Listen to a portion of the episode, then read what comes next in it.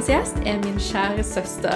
Jeg skal ikke ha en like lang intro denne gang, for hun har vært med her én gang før. Men jeg er så glad for at hun vil spille inn en til episode med meg, denne gangen om separasjonsangst. Velkommen tilbake, Stephanie Reiso. Tusen takk. Godt å være tilbake igjen. Ja, så bra. Hvordan går det med deg? Ja, det går bra. Jeg eh, holder på å gå av med medisin, så jeg har litt sånn eh, hjerneseps. Men eh, ellers veldig, veldig fint.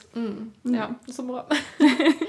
Eh, For de som ikke har hørt den episoden som vi hadde sammen, så er det episode nummer to, som heter Vår vanskelige barndom. Der er vi ekstremt åpne og ærlige om det vi har slitt med i barndommen. Og en ting jeg likte så godt, var den dynamikken vi hadde. Vi er jo søstre, så vi, har jo, vi er jo vant til å snakke sammen. Oh, ja. Men, men jeg forventet ikke at det skulle flyte så godt i en innspilling, for det er jo en helt ny setting, sant?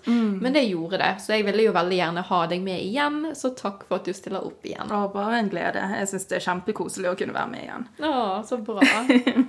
Jeg kan jo si at denne episoden blir litt sånn, sånn som den om medavhengighet, på den måten at vi begge skal dele en del. Det blir kanskje mest meg, fordi at jeg sitter med teorien. Men eh, jeg kommer jo også til å stille deg noen spørsmål, og vi skal jo dele mye av egne erfaringer, da, begge to. Yes.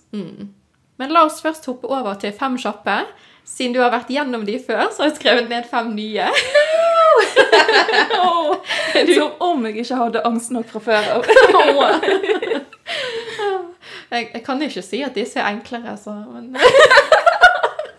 Du, jeg trodde du skulle være snill med meg. Jeg er snill! er du klar? Ja da. Ok, okay bra.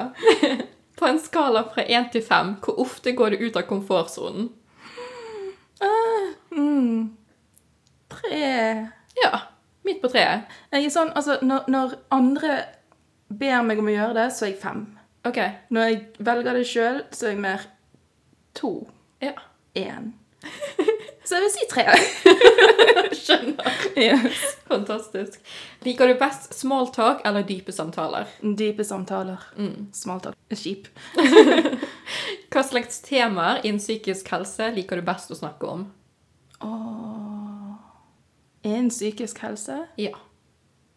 Altså, det kan jo være hva som helst. Ja, det var altfor stort. Det liksom, altså, det kommer an på settingen. Det kommer an på humøret, hele pakken. Hvis du snakker med en som, eh, for å si sånn, eksempel har med depresjon å gjøre, så er jeg veldig, veldig interessert med depresjon der og da. Men det er ikke nødvendigvis noe jeg vil snakke om hvis jeg snakker med en som sliter med eksempel spiseforstyrrelser og så videre. Så det kommer veldig an på. Egentlig alt eh, kommer an på da, humøret og settingen. Ja, Nei, men jeg skjønner. Ja, men det, det, det gir mening. På en skala fra én til fem, hvor følsom vil du si at du er? Fem. Den har svart på før. ja. Nevn tre gode egenskaper om deg sjøl. Åh, Jeg visste at du kom til å ja, ok. Gode egenskaper om meg sjøl. Jeg er Ja. empatisk. Yep. Jeg er empatisk. Det er veldig bra.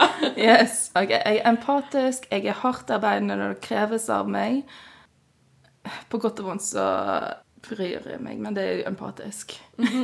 Så ja, nei, jeg kommer ikke på Det er vanskelig å svare sånt av seg sjøl. Ja, ja jeg skjønner. Nei, men det i hvert fall, det er i hvert fall fine egenskaper. Eh, vi skal jo snakke litt om eh, Eller vi skal snakke masse om separasjonsangst i dag. Og det at det går an å ha separasjonsangst i voksen alder, var, var noe jeg fant ut av for bare noen få år siden. Jeg, innså jo sjøl at jeg hadde det. Og jeg fant jo den artikkelen artikkel der det sto masse om dette, og fortalte jo deg, Steff, om dette. Og du sa jo at du også kjente deg igjen. Mm, veldig. Mm. Jeg tror jeg har kommet helt ut av det. Du har jo litt utfordringer med det enda, har du sagt. Eh, så vi skal snakke om hva det er, hvordan vi har opplevd det, og hvordan i hvert fall jeg jobbet meg ut av det. Men aller først vil jeg at vi skal bli litt bedre kjent med deg. For det er jo ikke alle som har hørt den andre episoden med deg, og jeg stilte vel ikke akkurat disse spørsmålene. Så da lurer jeg først på, kan du beskrive deg sjøl, alder, tidligere jobber, interesser, hvordan du er som person? Og jeg skal huske alt det. ok. ehm, hva begynte vi med? Alder. Alder. Jeg Hvor gammel er jeg? 32. Jeg er 32! Ok, så jeg er en 32 år kvinne. Jeg er mor til en på nettopp blitt tre år. Ja. Jeg husker alderen hennes iallfall. Mm. Gift. Veldig lykkelig gift, selv om han eh, for tiden må stille opp som eh, superpappa og superektemann eh, for eh, både meg og datteren min. Jeg har ikke fullført noe høy utdanning eller noe, men eh, jeg tok voksenopplæring i vel, voksen alder. Samtidig som jeg da eh, jobbet i eh, et ganske sånn høystress arbeidsplass, for å si det sånn. Jeg har hatt butikkjobber, jeg har jobbet i barnehager, jeg har jobbet på kontor, og Alt det har egentlig gått helt fint, bortsett fra den ene jobben der. Det var sånn luksusreiser, og jeg var eh, assistenten til sjefen og egentlig tok meg av alle reisene hennes. sånn. Så det var høy stress, høy, høye forventninger. Veldig eh, kjipt å gjøre feil, rett og slett. Så det var to år med konstant redsel og stress som egentlig førte til at jeg nå er ganske utmattet. Så derfor, igjen, som jeg sa i begynnelsen av episoden, holder på å slutte på medisin og sånne ting. Det er på grunn av da de årene med slit, eller slitasje, på, på sinnet mitt. ja, det er vel ikke så veldig mye mer å si. Jeg er interessert i å hjelpe så godt jeg kan, hjemme og ute. ja, men herlig. Hvordan eh, var du som liten? Ja, den er litt vanskelig å svare på når det gjelder oss, føler jeg. For altså, egentlig så var jeg en veldig, veldig, veldig aktiv jente. Jeg klatret i trær, jeg slo meg hver eneste bidige dag. Herregud, så mange sår jeg hadde. Det var liksom ikke måte på. Men samtidig så, på grunn av han faren vår, for så fikk vi jo så mye kjeft og alt mulig, at jeg lærte meg på en måte å være rolig. Eh, og det samme gjaldt fra skole. Jeg gikk jo på skole i Filippinene, så det var jo egne krav der til jenter. Du skulle ikke svette, du skulle ikke bli skitten, og du skulle ikke sånn og sånn. Så liksom selv om man var en aktiv liten jente, så ble du bedt om å roe deg ned og sitte i ro og ikke si noe som helst. Så hvordan jeg var, det, eh, det, det er litt sånn Ja, jeg var aktiv, men rolig, kan man si. Ja.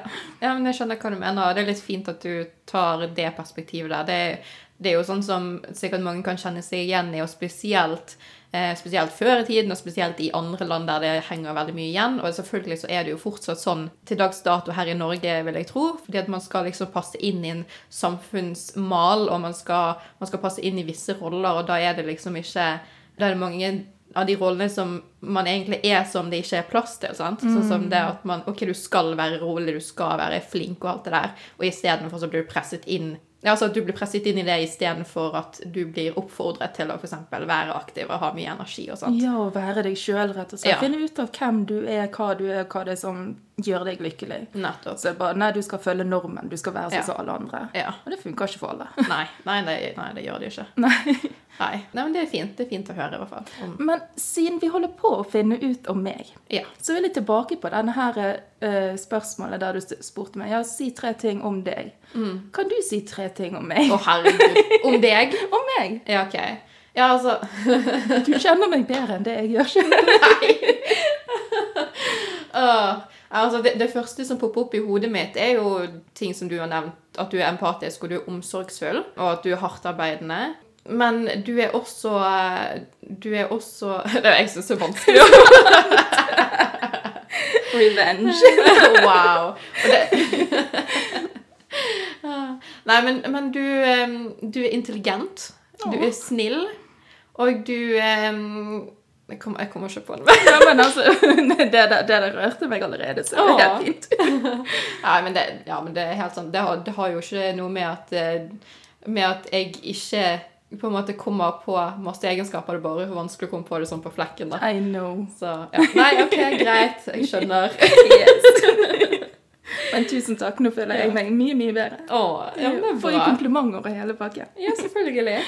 Men OK, da skal vi gå litt videre på det som er hovedtemaet, da.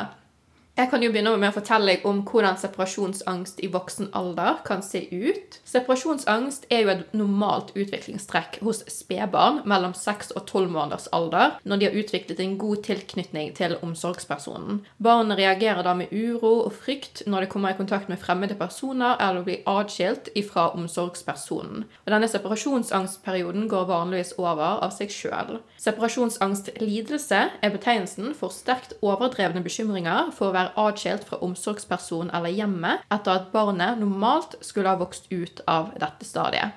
Separasjonsangst i den grad er vanligst i førskole og tidlig skolealder, og forekomsten ligger på ca. 1-2% av barnebefolkningen. Symptomene på separasjonsangst kan være milde eller svært alvorlige og ligner hos både barn og voksne. Hos voksne blir det vanligvis antatt at det er et problem som personen vokste opp med, men dette er ikke alltid tilfellet, da det kan dukke opp når som helst i livet. Det manifesterer seg som frykt for å skille seg fra ens partner, barn, arbeidsplass eller noe som har mye sentimental verdi. Det kan være veldig utmattende for den enkelte som lider av det, men også for gjenstander av tilknytning. For noen betyr det at de blir værende i et usunt forhold i frykt for å være alene, eller at de hopper fra forhold til forhold av samme grunn. Og Når det gjelder det siste der, så kjenner jeg i hvert fall jeg meg veldig igjen i det med å hoppe fra forhold til forhold. Ikke på den måten at jeg har hoppet kjapt ut av forhold, for utenom det ene forholdet så har mine forhold vart i to til fem år. Men det er mer det at det var veldig kort tid mellom forholdene. Rekorden min var jo tre måneder singel, liksom. Så det at jeg nå har vært singel i over et halvt år, og jeg elsker det, det er noe jeg faktisk er stolt av. Men hvordan har det vært for deg, da, Steff? Har du blitt værende i usunne forhold i frykt for å være alene, eller har du hoppet fra forhold til forhold? Ja til alt. Ja. Rett og slett. Ja. Altså, Hvis vi skal gå helt, helt tilbake til f.eks. Når, når vi snakker om parforhold, eh, så var det Jeg klarte ikke å være alene. Jeg ble helt fra meg med en gang en partner for å si det som ble lei meg, eh, og gikk fra meg. Og så var det liksom Gikk det to sekunder, og så hadde jeg en ny en. Ikke nødvendigvis en fast kjæreste, men bare noen jeg kunne være intim med og føle den tilhørigheten hos. Og den partneren var ikke nødvendigvis god. Brukte meg og gikk bak ryggen på meg og alt det der. Men det var fortsatt en person jeg kunne komme hjem til eller komme ut til og ja, være med, iallfall. En som aksepterte at det var der. Og så går det over, og så er det videre til neste person. Når jeg da kom inn i et lengre forhold, det var vel mitt første lange forhold, hvis jeg husker rett, det var fire år. Det var ikke et godt forhold. Eh, Vi sloss hver eneste dag, og da snakker jeg om slåssing. Altså det var fysisk vold der begge to var delaktige. Vi var ikke bra for hverandre. Jeg prøvde å slå opp fra Ja, det var vel et halvt år inn i forholdet så prøvde jeg å slå opp. Men jeg klarte aldri å gjennomføre det, for samtidig så var jeg redd for at ingen andre ville elske meg. At ingen andre ville liksom ville se min vei eller noe sånt. Så etter å ha prøvd å slå opp halvt år inn i forholdet, så varte det forholdet i fire år. Ja, fy søren. Det er lenge. Og eneste grunn til at det forholdet ble avsluttet, var fordi at jeg fant min nåværende ektemann, som eh, ikke var det på den tiden. Han var jo bare en som bodde der i kollektivet. Og eh, han, han var den første mannen eller personen som faktisk lyttet til meg. Og som komplimenterte meg på ikke utseendet, men på intellektet mitt. Og på rett og slett det, hva jeg klarer å forstå, analysere osv. Så, videre. så det var jo fantastisk. Jeg trodde jo hele livet at jeg bare var dum. Så en som sa at jeg ikke var dum, det var jo bare Oi! Dette var utrolig. Ja. Men når det begynte å bli alvorlig Altså når følelsene mine begynte å bli alvorlige for han, da prøvde jeg å slå opp. For da var jeg livredd for at jeg skulle faktisk begynne å bli altfor glad i han, og så skulle han forlate meg, liksom. Så jeg ville heller avslutte det før den tid kom, for at jeg tenkte at det forholdet ikke kom til Det var ikke et forhold jeg var på jakt etter, det var kun intimiteten. Jeg hadde egentlig gitt opp på alt av kjærlighet sånn sett. Men Så nå er jo vi gift. Vi har vært sammen i jeg tror elleve år. Eh, gift i jeg tror seks år. Jeg har ikke tall i hodet, jeg vet ikke hvilket år vi er engang. Men når han reiser vekk, og det har han gjort eh, litt sånn opp igjennom pga. jobben, der han har vært gjerne vekk i en ukes tid eller lignende Når han er vekke, så føles det ut som jeg holder på å miste forstanden helt. Og det er sånn Jeg får et skikkelig tomt, svært hull i brystet. Jeg aner ikke hva jeg skal gjøre med det. Jeg, på det verste så har jeg sittet i stuen og revet meg sjøl i håret og skreket ut i rommet, liksom. Og bare gråte og gråte og gråte. Og jeg, jeg har prøvd å sove over hos min mor og være hos venninner. Ingenting har hjulpet. Helt til jeg overnattet hos min bror en gang, eller vår bror. Og det å høre en mann sin stemme rundt meg, det å kunne se på han sitte og spille på TV når jeg skulle sove Bare det å ha en, en mann der som jeg visste brydde seg om meg, og som ikke ville forsvinne, for å si det sånn, det hjalp. Det fjernet det ikke helt, herregud. Det, den lengselen jeg hadde, den var insane. Men det hjalp iallfall å kunne holde ut den perioden han var vekke. Dette her med hvordan du opplevde det, skal vi komme litt mer tilbake til. Um, eh, For vi skal jo snakke litt mer om symptomer og sånne ting, men, mm. men det var veldig fint å høre litt om eh, ja, hvordan du har opplevd det allerede. da. Men vi skal komme litt mer tilbake til det. Ok. La oss se litt mer på symptomer. Det er jo normalt å være bekymret for den man er glad i sin velvære, men folk med det som jeg innimellom kommer til å referere til som ASAD, som står for Adult Separation Anxiety Disorder, kan oppleve høye nivåer av angst, noen ganger også panikkanfall når deres nære og kjære er langt unna, som du nå kommer litt inn på. Eh, Folk med denne lidelsen kan trekke seg tilbake, kjenne på ekstrem tristhet eller ha vansker med å fokusere når de er vekke fra deres kjære. For foreldre kan denne lidelsen føre til streng og overinvolvert oppdragelse, og i parforhold kan det føre til at man er en påtrengende partner. Andre vanlige symptomer inkluderer ubegrunnet frykt for at dine kjære eller deg sjøl vil bli bortført eller alvorlig skadet, ekstrem og vedvarende nøling eller benektelse av å gi slipp på nærhet til dine kjære, problemer med å sove borte fra en du er glad i av frykt for at noe skal skje med dem, depresjon eller angstanfall relatert til noen av de ovennevnte emnene, og du kan også ha fysiske smerter, hodepine, diaré forbundet med perioder med angst. Eh, Så nå har du fortalt litt allerede, men kan du fortelle litt om hvordan du ellers har opplevd separasjonsangst i voksen alder? Kjenner du deg igjen i disse symptomene? Ja, absolutt. Altså, for å si sånn, Jeg var litt i tvil på har jeg separasjonsangst. Altså, ja, jeg har kjent, Det stemmer veldig overens med, med det jeg har følt, og sånt, men spesielt nå som du nevner disse symptomene. altså, det er, det er det jeg opplever hele tiden. Og jeg opplevde det òg med deg, bare så du vet det. Oi. Jeg husker, når du skulle, du skulle, jeg husker ikke hvor du skulle reise, om det var til Korea eller hvor enn det var. Utvekslingen, ja. Ja, det, det var iallfall Du skulle på flyet. Og det at jeg ikke kunne være med deg på det flyet, passe på Eller i det minste, om noe hadde skjedd, så hadde jeg vært der med deg. Det rev meg nesten i stykker. Oi, shit. Oh. jeg merker jeg blir, oh, blir emosjonell bare av å tenke på det. Ja. Men liksom Det er Jeg har veldig mye angst for at noe skal skje med de rundt meg. De Jeg tror jeg trenger et øyeblikk. ja, det går fint. Jeg husker jeg bare satt der og gråt, rett og slett. Jeg husker ikke om du var der fortsatt når jeg begynte å gråte, eller om du akkurat hadde gått. Nei, jeg kan ikke huske noe Nei, sånt. det var det sikkert etter at jeg hadde flydd, og jeg Ja. var på vei hjem med, med mamma, og så bare satt jeg der og bare Tårene rant, liksom. For jeg var så redd for at noe skulle skje. Ja. Men det er aldri på den måten når jeg er med. Det er liksom Jeg har flyskrekk, men det går helt fint. Mens hvis jeg vet at uh, datteren min er et sted som jeg ikke er, eller mannen min er vekkreist, du er vekkreist, så er det bare sånn Men da vil jeg at det som skjer de, skal skje med meg. òg. Okay. ikke sant? Hvis Ja. noe skulle skjedd. Ja. Jeg vil ikke bli sittende igjen ja. på den måten der. Nettopp. Så Det er veldig kjipt å høre at du har det sånn, men samtidig er det jo litt fint at, å kunne høre på en måte konkrete eksempler på hvordan det kan føles ut ifra de symptomene som jeg har lest opp. da. Så ja. Og jeg kan jo si det at eh, for å bli diagnostisert med separasjonsangst for voksne, så må jo symptomene svekke funksjonen og fortsette i minst seks måneder. Og ingen av oss har jo blitt diagnostisert med det. Vi har jo ikke snakket med legen om disse tingene, så man må jo på en måte ta det vi sier på en måte med en klype salt. men vi har jo begge kjent på ganske ekstreme symptomer knyttet til det, og vi kjenner oss veldig igjen når vi leser om det og hører om det, så derfor ville vi likevel belyse det. Men hvis du som hører på tror at du kanskje har det, så kan det være greit å snakke med en lege om det, for å eventuelt få en faktisk diagnose og få vite hva, hva slags behandling du eventuelt eh, må gjennom, da. Ja. Eh, Det er viktig å si. Altså, man skal jo ikke måtte sitte Det er jo ikke en behagelig følelse i det hele tatt. Så hvis Nei. det er noe som kan gjøres med det, snakk med legen. Mm. De har gode råd.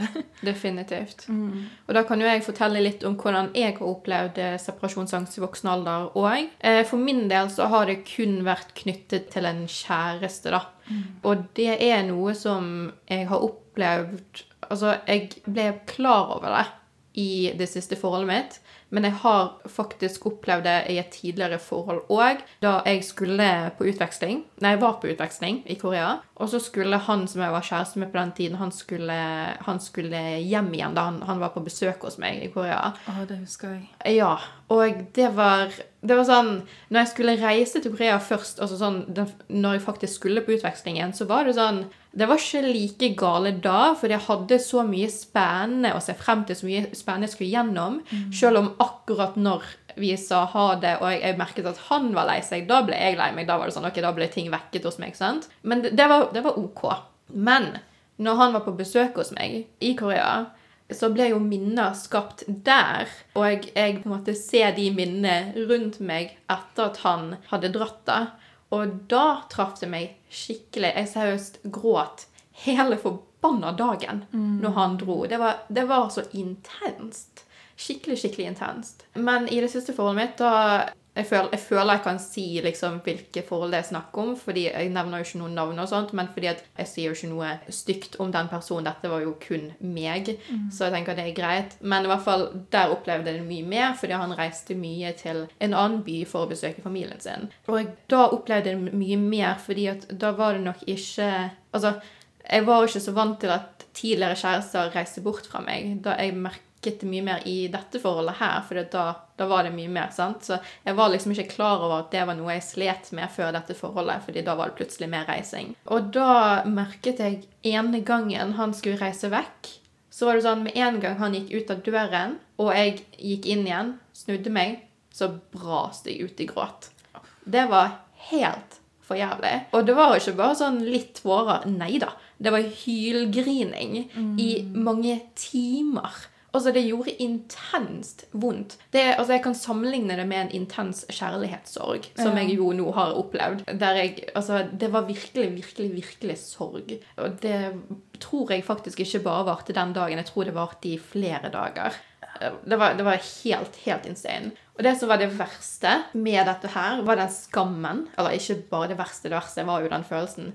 Men en kjip ting i tillegg var skam rundt dette her. Fordi at jeg følte jo at dette ikke var noe jeg på en måte kunne være åpen om. Fordi at jeg skammet meg så over det. Jeg eh, følte at dette var ikke noe voksne skulle oppleve. Dette er sånn som barn opplever. sant? Jeg følte meg så barnslig og pysete og svak. Men så fant jeg ut av at ok, jeg er nødt til å være åpen om dette, fordi at dette påvirker meg i så stor grad. Eh, så jeg, jeg fortalte han om det, og heldigvis så ble jeg møtt med forståelse og respekt. Og jeg, han syntes det var ikke så kjipt at jeg gikk gjennom det, men han møtte meg på en veldig fin måte. Men heldigvis så var han opptatt av å gå til roten av problemet istedenfor bare sånn OK, jeg skal slutte å reise, jeg skal aldri mer reise fra deg. Så gikk han liksom sånn OK, men hvordan kan vi finne ut av dette her, sånn at du slipper å oppleve det der etter hvert, sant? Og selv om det var veldig tøft og vanskelig, så var det helt riktig for meg, tenker jeg. For det er jo sånn jeg har kommet ut av det. Sant? Definitivt. altså Det vil ikke hjelpe å bare la være å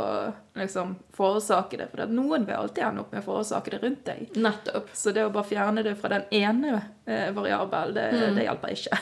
Nettopp. Altså, det var i hvert fall der det begynte, da, med, med liksom det, den bevisstheten rundt det. Og så klarte jeg å være åpen om det, og da ble det litt og litt lettere etter hvert. Selv om det var Det tok tid, det var tøft. Men eh, ja, ok, jeg skal komme mer tilbake til hvordan jeg kom meg over det, da. Men det var i hvert fall litt sånn om hvordan jeg opplevde den verste separasjonsangsten, i hvert fall, i, i voksen alder. Altså det vil si, eh, jeg, det, det du nevnte i sted om kjærlighetssorg, at det Mm. tilnærmet det, altså jeg syns egentlig det var den beste beskrivelsen av det. Mm. Altså jeg føler det at med separasjonsangst, da med en partner, det du går igjennom er rett og slett bare konstant kjærlighetssorg om igjen og om igjen og om igjen. Ja. Og det er jo ikke normalt. Det, det er liksom, du skal, Selvfølgelig det er up and downs i et forhold, men herregud, kjærlighetssorg for at eh, partneren din skal ut av døren, liksom. Ja. Det, det er for gale. Ja. Og ja, det er egentlig den beste beskrivelsen av det, for det, det er faen meg smertefullt. Mhm. Det er det. Ja. Og, og sånn som det med, det med jeg nevnte i sted, For å bli diagnostisert med det, så må symptomene svekke funksjonen og fortsette i minst seks måneder. Og det er liksom sånn Ja, det svekket funksjonen min. Fordi at jeg kunne ikke gjøre noe annet enn å ligge i fosterstilling og gråte. Jeg kunne ikke fokusere på noe annet. Jeg hadde det helt for jævlig. Så ja, det svekket funksjonen min. Ja, men i seks måneder Men liksom, altså, Um, hvis, ja. hvis det er parforhold, så er jo det forhåpentligvis er ikke han vekke i, i seks måneder. Så du nei, går, tror- går jo ikke gjennom det der i Jeg tror ikke det, det, tror ikke det det er snakk om. Jeg tror det er mer det at det skjer flere ganger i løpet av ja. over seks måneders tid. Ah, ja, men da, da er jo eh, diagnosen eh, i, i hendene allerede. Ja, ja, ja. Men ja, sant. Så, så definitivt. Hva er noen risikofaktorer, da? La oss eh, gå litt gjennom det. Separasjonsangst det utvikler seg ofte etter tap av en du har kjær, eller etter en betydelig hendelse, som det å flytte til en annen by, f.eks. Det var jo sånn som jeg nevnte det med den utvekslingen. Ja. Du kan være mer sannsynlig for å utvikle det hvis du ble diagnostisert med separasjonsangst som barn, og voksne som vokste opp med overinvolverte foreldre, kan også ha økt risiko.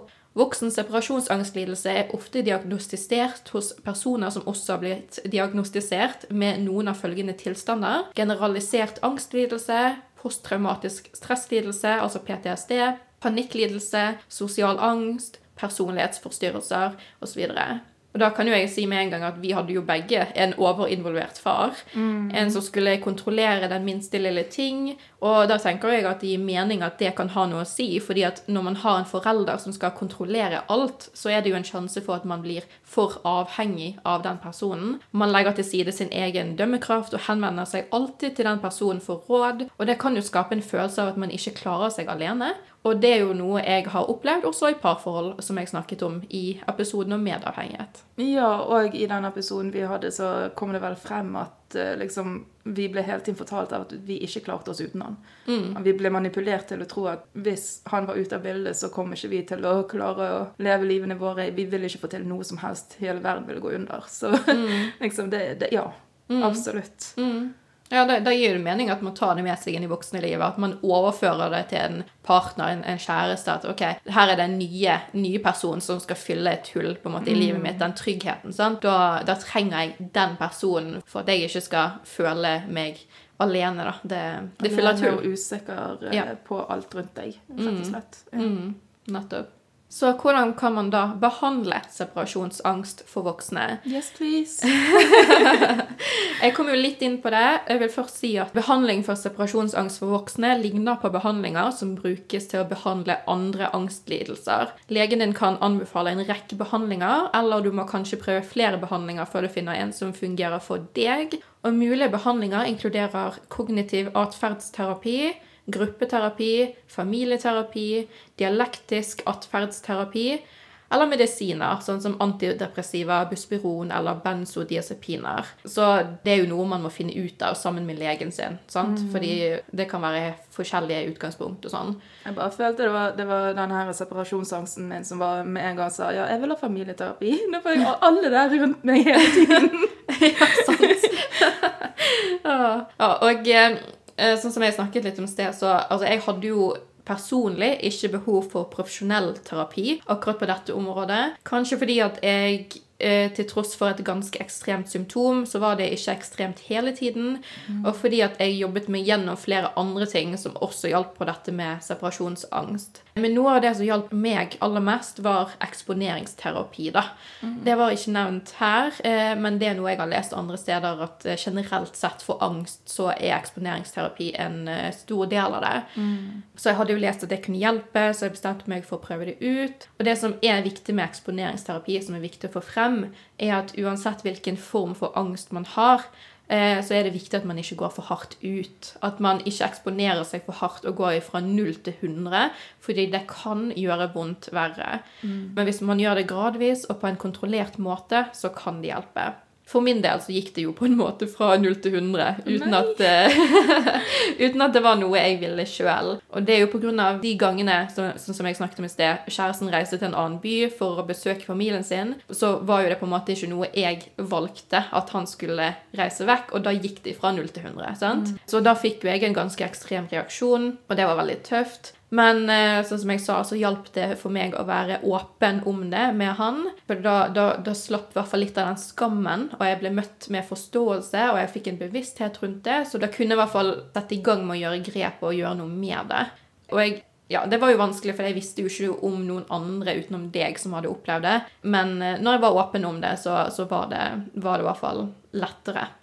Kan jeg bare spørre, altså I motsetning til gamle dager, så har jo vi teknologi i dag. Så liksom det å ringe partneren sin og face eh, hva enn det heter, mm. videocall, mm. hjalp det deg i det hele tatt? Eller var det mer sånn OK, et, en midlertidig lettelse, akkurat mens dere snakket, og så legger man på, og så er det nesten enda verre. Ja, for det var sånn jeg mm. opplevde det nærmest. Mm. Nei, det er et godt, godt uh, spørsmål.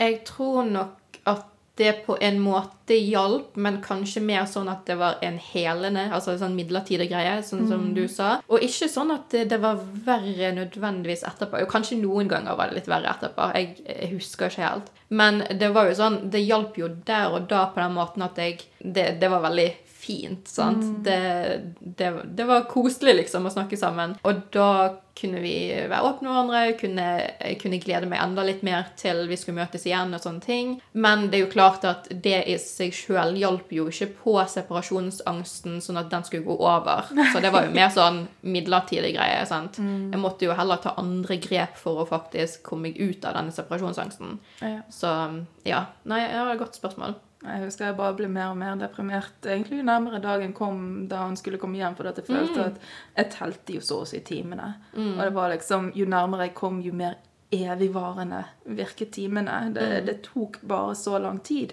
Og så plutselig var det sånn en time igjen, og bare sånn Nei, det går ikke opp for meg.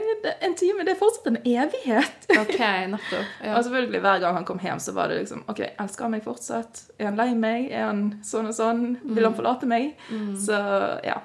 mm. Nettopp. Mm. Men ja, på det tidspunktet så var jo det som sagt veldig tøft, men det hjalp i hvert fall å være litt åpen om det. Og etter det så begynte jo jeg å gjøre litt research, og det var da jeg fant ut om separasjonsangst for voksne. Det var da jeg fant den artikkelen som jeg nevnte. Så da hadde jeg en bevissthet rundt det, og da kunne jeg bestemme meg for å jobbe med det. Og allerede neste gangen han reiste da, så var det litt bedre. Og det var ikke før det var noe annet som trigget meg, at jeg ble veldig lei meg rundt også det at han var borte. Men det var i hvert fall fremgang. Det var i hvert fall ikke sånn at jeg begynte å gråte med en gang han, han gikk. sant? Så mm. det, var, det, var, ikke før seinere på kvelden. Så allerede der var det, var det en fremgang. Mm. Så det var deilig. Og jeg la jo dette på is en stund, fordi at det ble mindre reising av ulike grunner. Men jeg leste eller hørte noe en dag om noe som minnet meg om den separasjonsangsten etter flere måneder. Og jeg, jeg husker ikke hva det handlet om, men jeg husker at jeg ble eh, igjen da inspirert til å gjøre noe med dette. Så jeg ble inspirert til å sende han vekk på hyttetur. eh, og på det tidspunktet så hadde jeg da også begynt å få det bedre med meg sjøl på andre områder. Jeg hadde fått bedre selvfølelse, begynt å bli bitte litt mer selvstendig, hadde begynt å sette mer pris på det å være aleine. Og jeg gjorde mer ting som jeg fikk glede av, og satte pris på den egentiden. Og når jeg da sendte han av gårde på hyttetur, så var det mitt initiativ. Mm. Det kom fra et sted om at jeg følte at det skulle gå helt fint jeg følte meg empowered, som man sier på engelsk. og jeg hadde lagt alle mulige fine planer for hva jeg skulle gjøre den helgen for å kose meg i mitt eget selskap. Og jeg gledet meg. Og vet du hva? Jeg felte ikke en tåre den helgen. Så fantastisk. Jeg hadde det fantastisk. og siden da så har jeg ikke kjent på separasjonsangst på den måten. Utenom når jeg var redd for om jeg kom til å klare meg alene da, når jeg var på vei til å bli singel. Noe jeg snakket om i episoden om medavhengighet. Men jeg har ikke kjent på det i forhold til å være alene for en kveld eller en helg eller noe siden da. Og, og, det kjennes ja, helt fantastisk. Kanskje jeg skal ta og sende mannen min vekk en eller annen gang. Ja. jeg, altså for å si det sånn, jeg, Bare det at han skal ut med datteren vår på, på en lekeplass eller noe sånt, så får mm. jeg jo helt sånn Kommer ikke de hjem snart? Ja. Og eh, hvis han skal ut med kompiser en kveld, så er det sånn fortsatt veldig veldig kjipt å vente på at han skal komme hjem igjen. Så. Mm. Men det, det, er sånn som du sier. Det er han som gjerne tar det initiativet og skal stikke ut et eller annet sted, Nettopp. og du bare må liksom akseptere det. Ja. Men hvis du faktisk er den som OK, du, vet du hva, jeg vil ha tid for meg sjøl. Mm. Kom deg ut. og så legger du fine planer. Ja, mm. ikke sant? Er du med på date? Meg? ja. jeg trenger noen å, å, ha en date med hvis han skal vekk. Oh, ja. Ja. Men det, det er noe jeg må ta og prøve sjøl, ja. Ja. Og da, eh, da syns jeg det er viktig å få frem Det er jo kjempefint at du sier det, men da syns jeg det er viktig å få frem det at eh, det er ikke sikkert at det er den eneste løsningen for deg. Fordi at dette har vi jo i ulik grad. Det høres ut som at du har det litt sterkere enn det jeg hadde.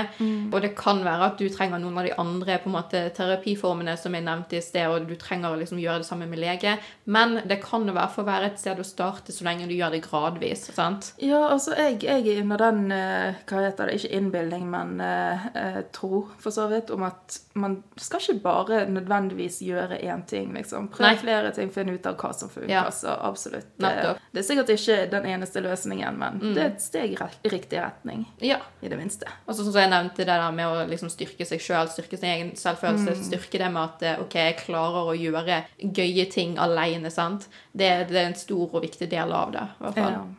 Jeg skal innrømme gaming hjelper meg, faktisk, når Ja. jeg tenker meg om. Men da forsvinner jo timene veldig fort, så. ja. Ja. Så ja. Eksponeringsterapi hjalp jo da altså for meg. Jeg sier som sagt ikke at det er nok for alle. Alle har ulik grad av angst, og ens helse er veldig sammensatt. Så det kan være lurt å snakke om, med legen om det hvis du hører på og er usikker på dette, som sagt. Men det var i hvert fall en viktig del av det. Ja, Har du noen andre eksempler eller noen andre ting du kommer på? Altså Når det gjelder eksempler, så er det egentlig bare Ja, det det jeg har nevnt. Det, det gjelder egentlig alle de som er nærmt meg. Eh, så lenge jeg ikke får delta, for å si det sånn, i livene deres eh, på store forandringer, så får jeg eh, så å si angst og panikk for at noe skal gå gale. Sånn som du nevnte tidligere, så når du sjøl skulle reise ned til var det, Ja, det var Korea. Så opplevde du ikke den eh, store følelsen av separasjonssorg. Så den, den skal jeg innrømme, den kjenner jeg òg på. Hvis, hvis det er jeg som skal reise noe sted, så jeg kjenner ikke like sterkt. Jeg gjør det til dels fortsatt. Spesielt hvis jeg er i en situasjon jeg egentlig ikke har lyst til å være i, sånn på en reise jeg ikke har lyst til å delta i, og sånt, der jeg heller vil hjem. Da kjenner jeg det veldig. Men hvis det er noe jeg faktisk skal kose meg med, så går det ganske greit.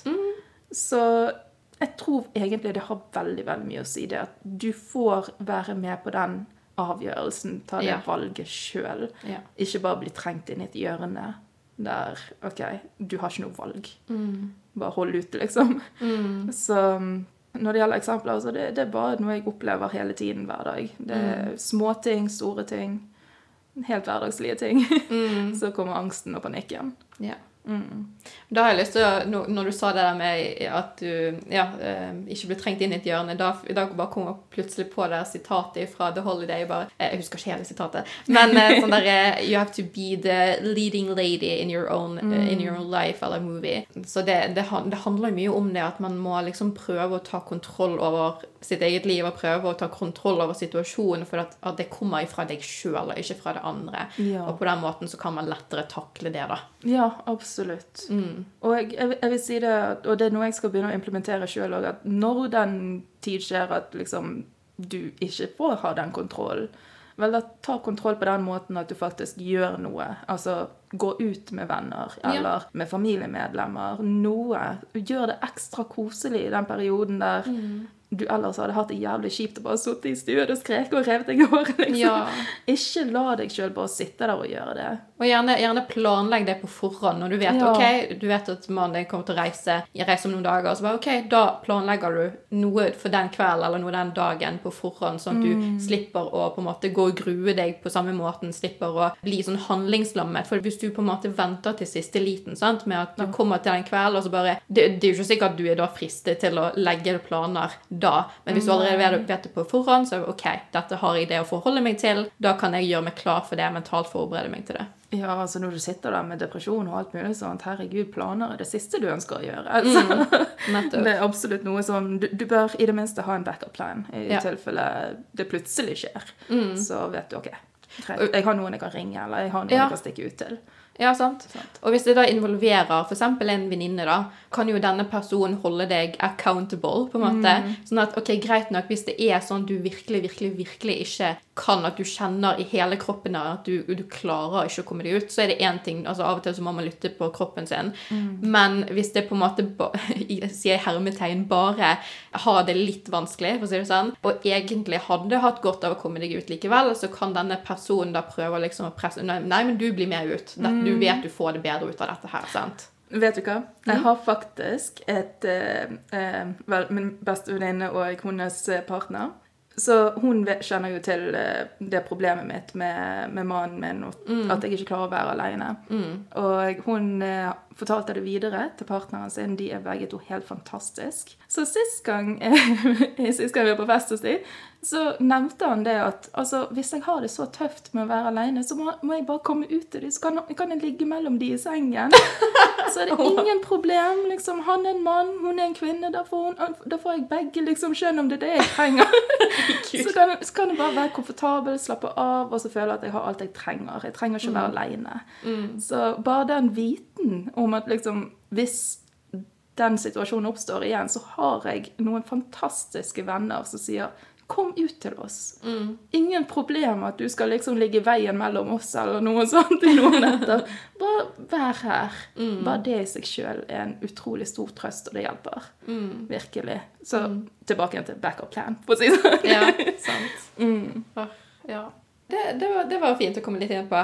Nei, men Da tenker jeg at vi kan avrunde der, egentlig. Jeg var redd for at det bare kom til å bli meg som snakket og bare masse teori, men jeg syns det var kjempefint at du hoppet så mye inn, og vi fikk faktisk ganske mange fine samtaler og diskusjoner rundt det, så det setter jeg veldig pris på. Og jeg er veldig takknemlig for at du ville dele dine opplevelser rundt det, da. Mm, jeg syns det er veldig veldig greit å kunne gjøre det. Altså, jeg, jeg, jeg er åpen av meg, og hvis andre kan dra nytte av det, så er det kjempefint. Og det å sitte og preike med deg, det er jo aldri et problem. så dette er som alltid bare kjempekoselig. Mm, det var så bra. Tusen takk, Steff, for at du ville gjeste podkasten igjen. Det er så fint å kunne gjøre dette sammen, som sagt, og jeg tror virkelig og håper at dette kunne være nyttig og fint for mange. For det ligger jo som sagt masse skam i dette her, så jeg håper at vi i det minste kunne bidra til at noen følte seg litt mindre alene og litt mindre unormal. Og forhåpentligvis kan dette også hjelpe noen til å jobbe seg ut av det, da.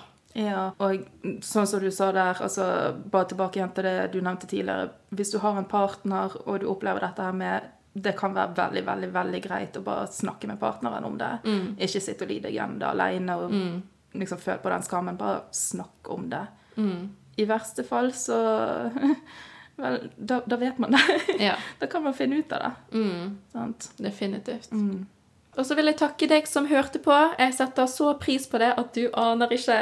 Følg meg på Sykt fint på Instagram, og fortell meg gjerne hva du syntes om denne episoden. Del gjerne episoden i Story, og tagg meg så jeg kan se, fordi du vet aldri hvem der ute som kan få bruk for det vi nå har delt med deg. Følg denne podkasten for mer innhold som dette, og så hadde jeg blitt skikkelig glad om du kunne gitt en rating og omtale på podkasten. På den måten pusher algoritmene ut podkasten min, slik at flere får den med seg, og på den måten kan vi hjelpe og inspirere enda flere. Jeg håper virkelig du har en helt nydelig dag, og så snakkes vi igjen snart. Ha det! Ha det bra!